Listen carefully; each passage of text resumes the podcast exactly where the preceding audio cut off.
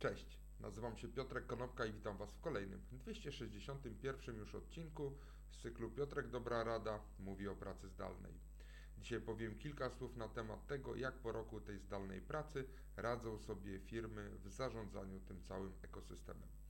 Pamiętacie, jak na początku, być może niektórzy z Was, rewolucji związanej z komputerami i internetem, twórcy e, mm, zarówno stron internetowych, katalogów internetowych, jak i na przykład systemu plików na dyskach starali się skopiować i czasami udawało się to, po prostu to, co widzieli na zewnątrz, czyli tak jak w bibliotece mieliśmy e, foldery, mieliśmy poszczególne e, katalogi poukładane alfabetycznie. Tak samo to wszystko pojawiło się na samym początku w wersji cyfrowej na komputerach, a później pojawiło się w wersji cyfrowej w internecie. Po prostu kopiowaliśmy jeden do jednego te rozwiązania, które widzieliśmy w świecie rzeczywistym.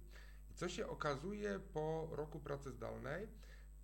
Zostało przeprowadzone badanie przez firmę GitLab, która jest pionierem, czy jednym z pionierów właśnie e, pracy zdalnej w 100%. E, I ta firma opublikowała wyniki badania, które się nazywa e, Remote Work Report.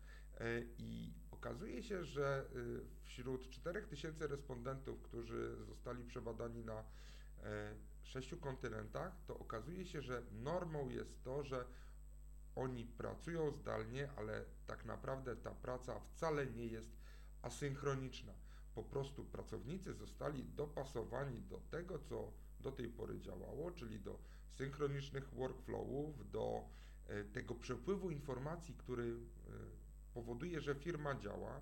Korzystamy z czatów, z rozmów telefonicznych, z wideo i telekonferencji i okazuje się, że bardzo niewiele firm e, korzysta z tego typu rozwiązań, które pozwalają na asynchroniczną komunikację.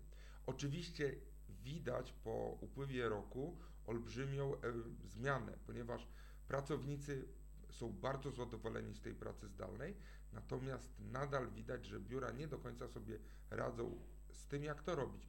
80% pracowników, którzy zostali przebadani, mówi, że ich firmy nie radzą sobie z tym, w jaki sposób y, praca zdalna powinna być wspierana. Po prostu nadal mamy istniejący i obowiązujący i działający taki biurocentryczny system, wokół którego praca jest zorganizowana i pomimo tego, że pracownicy pracują z innych lokalizacji, to nadal korzystają po prostu z tych rozwiązań synchronicznych.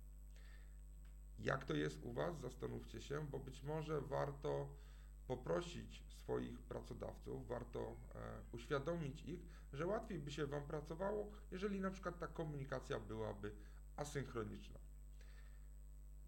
To był odcinek na temat tego, jak sobie firmy radzą e, w pracy zdalnej po upływie roku. Link do badania, jak zwykle, znajdziecie pod filmem. Natomiast chciałbym Was zaprosić na jutrzejszy odcinek. Jutro moim gościem będzie Tomek Haciński, założyciel i prezes firmy WorkSmile. Jest to firma, która pomaga pracodawcom w ogarnięciu tematu well-beingu. Dzięki serdeczne, do zobaczenia i usłyszenia jutro. Na razie.